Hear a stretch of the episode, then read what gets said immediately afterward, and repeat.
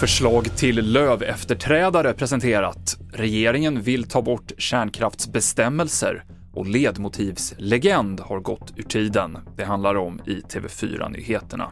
Vi börjar med att berätta att det är oklart vad som ligger bakom knivattacken på den stora tågstationen Gare du Nord i Paris i morse, då en person skadades allvarligt och en lindrigt. Gärningsmannen sköts av polis och har livshotande skador.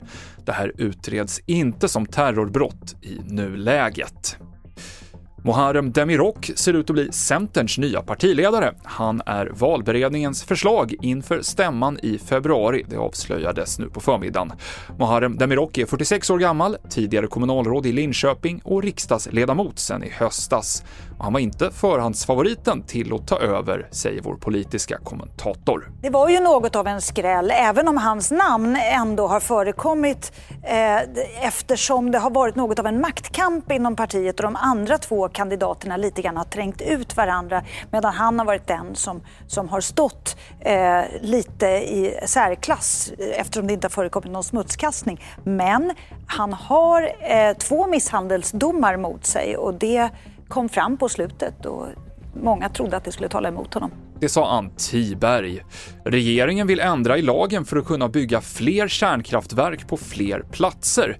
Idag finns det ett tak på 10 reaktorer och det får bara byggas nya där reaktorer redan finns.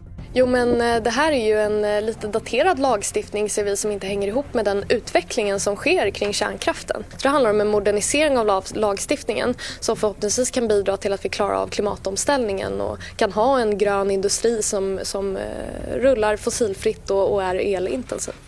Miljö och klimatminister Romina Pourmokhtari och vi avslutar med att berätta att artisten Håkon Pedersen har gått bort, det skriver Aftonbladet. Han var kanske inte det mest bekanta ansiktet, men vi är många som minns hans röst från när vi var små. Han sjöng nämligen ledmotiven till de tecknade serierna Bumbibjörnarna och Räddningspatrullen.